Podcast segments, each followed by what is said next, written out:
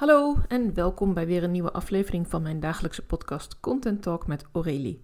Waarin ik je meeneem in mijn eigen wereld uh, van hoe ik uh, heel, veel, uh, ja, heel veel content kan delen in niet zo heel erg veel tijd. Omdat ik ja, bepaalde tools gebruik om steeds weer terug te gaan naar wat is mijn boodschap, aan wie wil ik deze vertellen, delen, wie wil ik daarin meenemen, wie kan ik goed helpen en wat kan ik daarover dan ook zeggen in mijn, in mijn content. En in mijn dagelijkse podcast probeer ik je echt ook wat voorbeelden te geven van hoe je dat zelf ook kunt doen.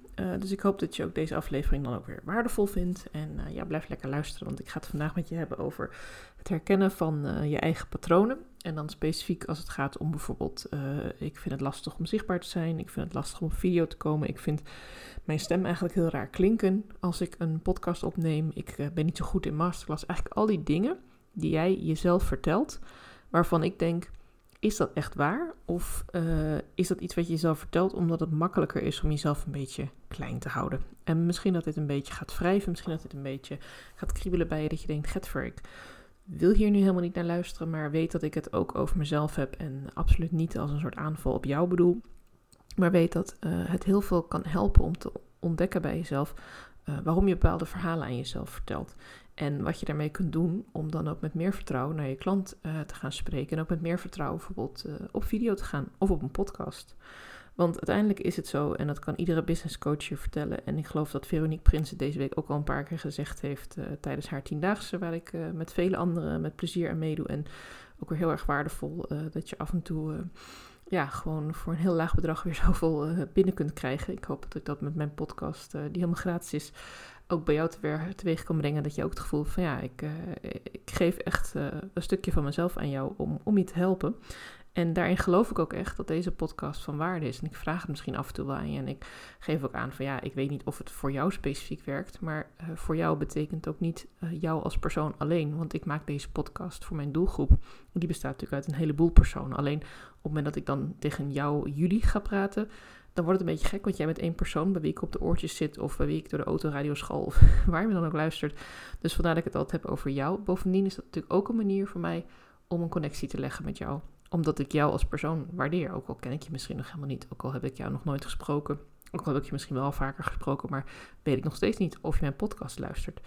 Dus als je een plezier wil doen, laat me even weten dat je mijn podcast hebt geluisterd en wat je ervan vindt. Dan ga ik nu in ieder geval door met wat ik wou zeggen. Namelijk dat wat heel veel coaches ook zeggen en wat ik ook tegen je zal blijven zeggen. Als jij zelf niet gelooft in je eigen boodschap, in je eigen kunnen.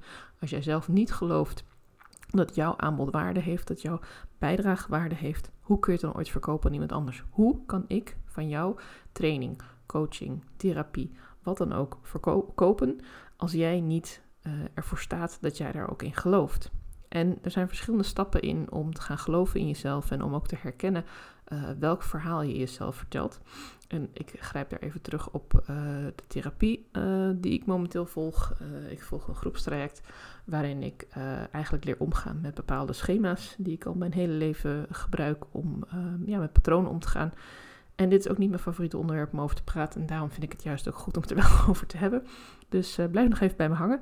Um, want wat ik daarin zie is dat ik bepaalde patronen eigenlijk uh, onbewust uh, toepas. En hoe ik dat dan noem is, ik ben eigenlijk in het herkennen van dat patroon en het herkennen van wanneer reageer ik op een bepaalde manier op een bepaalde situatie. Dat kan komen door een bepaalde trigger, dat kan komen door een bepaalde herinnering, dat kan komen omdat iets een bepaalde emotie oproept of een bepaalde angst. Dus stel ik zou zeggen, nou ik vind uh, op video gaan eigenlijk vreselijk, nou dan voel ik me daar heel onbekwaam in. En dan kan ik zeggen, ik ben onbewust onbekwaam in het mezelf laten zien. Natuurlijk kan ik ook uh, nog niet kunnen omgaan met de techniek, maar eigenlijk bedoel ik meer van je bent onbewust onbekwaam en dat je nog niet weet dat je eigenlijk uh, jezelf in de weg zit en dat je eigenlijk dus mag werken aan je zelfvertrouwen, aan je zelfwaarde en aan het gevoel dat je het wel kent. En op het moment dat je dat dan gaat herkennen, dat je eigenlijk ziet van ja, nee, het heeft niks te maken met die technologie van video. Of dat ik YouTube maar een rare site vind. Of dat ik niet weet hoe ik mijn haar wil doen. Dat zijn allemaal excuses die ik mezelf vertel omdat ik eigenlijk het heel erg spannend vind om mezelf te laten zien. Dat ik eigenlijk misschien nog niet voldoende geloof in mijn eigen verhaal. En dan ben je eigenlijk bewust onbekwaam, omdat je dan wel ziet waar het misgaat. Je ziet welk verhaal je vertelt, maar je weet nog niet helemaal hoe ga ik hier nu mee aan de slag. Nou, de eerste stap om daar doorheen te breken en dan bewust bekwaam te kunnen worden. Uh, het is een mooi schemaatje van vier stappen En bewust bekwaam word je door het te gaan herkennen, door het wel te gaan doen en door op het moment dat je dan zegt: Ik ga nu een korte video opnemen, of ik ga bijvoorbeeld een Instagram story opnemen of video, om dan bij jezelf na te gaan: Hé, hey, welke stemmetjes komen er nu bij mij op? En die stemmetjes heb ik ook gehad, die stemmetjes heb ik af en toe nog steeds. Ik wil echt niet zeggen dat als ik nu, want ik neem nu drie, vier video's per week op uh, voor Instagram, soms uh, ene keer wat meer, dan een keer wat minder. Maar ik heb nog steeds heel regelmatig stemmetjes zeggen: Ah, haal offline. Nee, Getver, heb je dat nou echt gezegd? jeetje, dan zit je daar gewoon een beetje in je haar te pulken. En dan, gadverdamme, moeten mensen wel niet van vinden. Of uh, je praat veel te snel. Ik merk dat ik bijvoorbeeld als ik enthousiast word, ja, ik denk dat jij dat zeker ook merkt als je vaker mijn podcast luistert, dan ga ik sneller praten. Ga ik misschien ook wat, wat andere toon gebruiken. En ik moet echt heel bewust op mijn ademhaling letten, op mijn toonhoogte letten, dat de podcast ook nog verstaanbaar blijft. Dus ook daarin ben ik uh, een beetje tussen bewust onbekwaam, bewust bekwaam in. Uh, want ik vind het nog steeds lastig om uh, rustig te blijven praten en ook echt uh, mijn verhaal met jou te kunnen delen. Maar het is wel iets waar ik echt mee bezig ben. En het doel is eigenlijk om uiteindelijk onbewust bekwaam te worden, zodat je niet meer de hele tijd erop hoeft te letten dat je jezelf die verhalen vertelt. Dat je jezelf de hele tijd tegenhoudt. Want dat dat eigenlijk niet meer nodig is, omdat je dan onbewust bekwaam bent in het, in dit geval, maken van een video. Zonder dat je jezelf daar in de weg gaat zitten, zonder dat je je stemmetjes die zeggen dat het niet goed genoeg is of niet mooi genoeg is, zonder dat je die een kans geeft. En wat je daarin kunt doen als je nou merkt van ik vind dat ontzettend lastig om uh, zo dicht bij mezelf te blijven, om die stemmetjes geen kans meer te geven, om te zeggen dank je wel voor je bijdrage, lieve lieve schat, je beschermt me heel erg goed en fijn dat je me geholpen hebt, maar ik zet je nu even in de hoek, ga maar even lekker een ijsje eten, ik zie je later weer, of liever helemaal niet, maar goed, ze komen altijd weer terug die stemmetjes. Uh, word er niet boos op, maar probeer er dus liefdevol te bedanken en het dan vooral verder achter je te laten en door te gaan. En wat daar heel erg bij kan helpen is om je te laten coachen. Ik laat mezelf ook coachen. Ik ben ingestapt bij een hele goede coach uh, die mij enorm wijst op mijn blinde vlekken, die mij echt uh, heel scherp kan vertellen waar ik mezelf in de weg zit en waar ik mijn stemmetjes de overhand geef. En uh, dat is af en toe ook echt heel erg pijnlijk. En dat ik dan zit te luisteren. Ik heb WhatsApp coaching bij haar, zit te luisteren naar zo'n berichtje. En dan staan tranen alweer in mijn ogen van jeetje, wat, hoe dan? Hoe kan zij nou echt in een paar minuten zien wat mij zoveel tijd kost? En dat is juist zo fijn als je met iemand samen kan werken die al een paar stappen verder is, uh, of heel veel stappen verder is, en die hier misschien ook opleidingen heeft gehad, of die ervaring hierin heeft, en die je dan ook kan helpen om die gevoelens en die verhalen die jij jezelf vertelt, om die te herkennen. En die ook kan vertellen van, hé, hey, daar vertel je jezelf weer zo'n verhaal. En dat is ook een rol die ik zelf uh, heb naar mijn coaches in mijn 1 op 1 programma. Waarin ik eigenlijk mensen, uh, doordat we wat langer samen optrekken, doordat we starten met een live ochtend of een live middag Waarin we echt fysiek bij elkaar aan tafel gaan zitten en kijken: oké, maar wat ligt er nu op tafel? Wat, wat neem je allemaal mee aan, aan redenen om het niet te kunnen doen, om het niet te willen doen? Wat neem je allemaal mee om uh, de keuze te maken om niet uh, video's te gaan maken? Wat neem je mee aan keuze om niet wekelijks e-mails uit gaan sturen of mensen te bellen of vaker op Instagram iets te posten of stories te gaan delen over dingen die je tegenkomt en die jij kunt relateren aan, de, aan je aanbod of aan je content of aan het advies wat je mensen wilt geven. Wat zijn die dingen die jou tegenhouden en ben je daar bewust van dat die je tegenhouden of zit je nog in het onbewust onbekwaam stuk waarin je eigenlijk denkt dat het ligt aan ja, eh, ik durf gewoon niet zo goed. Of uh, nou, klanten zitten hier niet op te wachten. Of uh, ja, er zijn al zoveel anderen die dit ook al doen.